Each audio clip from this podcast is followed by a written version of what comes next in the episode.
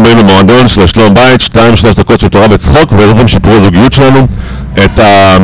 דבר התורה של היום שמעתי מהרב אמירי, אוקיי, זה הולך ככה.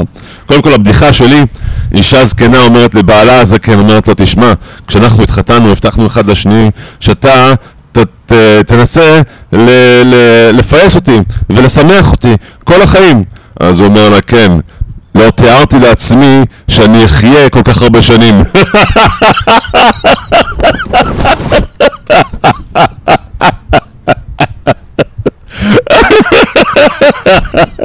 טוב, אנחנו חוגגים את ט"ו באב, תראו איך הבדיחה מתקשרת גם לדבר תורה, זה מתאים, אוקיי.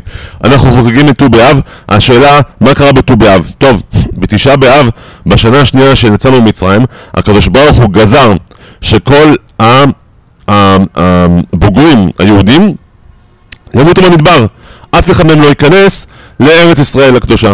אוקיי? וכך במשך 38 שנים, כל שנה, בתשעה באב, 15 אלף יהודים הלכו לישון בקבר ולא קמו בבוקר, רחמנא ליצלן, אוקיי? עד השנה האחרונה, שבה הסט האחרון של 15 אלף אנשים, באו הלכו לישון בתשעה באב וציפו שלא יקומו בבוקר, אבל קמו. אז חשבו, אולי לא חישבו נכון את התאריך.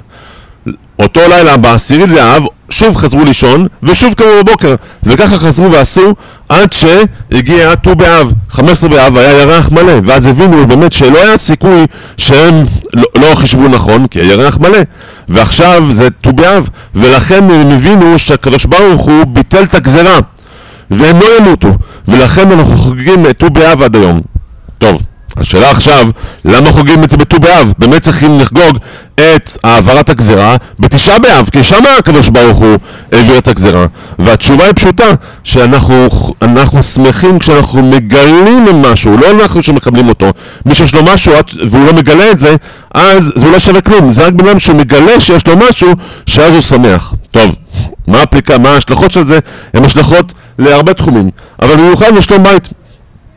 הרבה אנשים הם לא מעריכים משהו עד שהוא נלקח מהם, כן? הבן אדם שיש לו בריאות, הוא לא מעריך את הבריאות עד שנלקח ממנו משהו, חס ושלום. אז גם אנחנו צריכים להעריך את מה שיש לנו, כל עוד שיש לנו את זה. אז בואו נעריך את הנשים שלנו. נשים כשרות, שמחות, חייכניות, אוהבות אותנו ואוהבות המשפחה, לשלום, בית. חזק וברוך.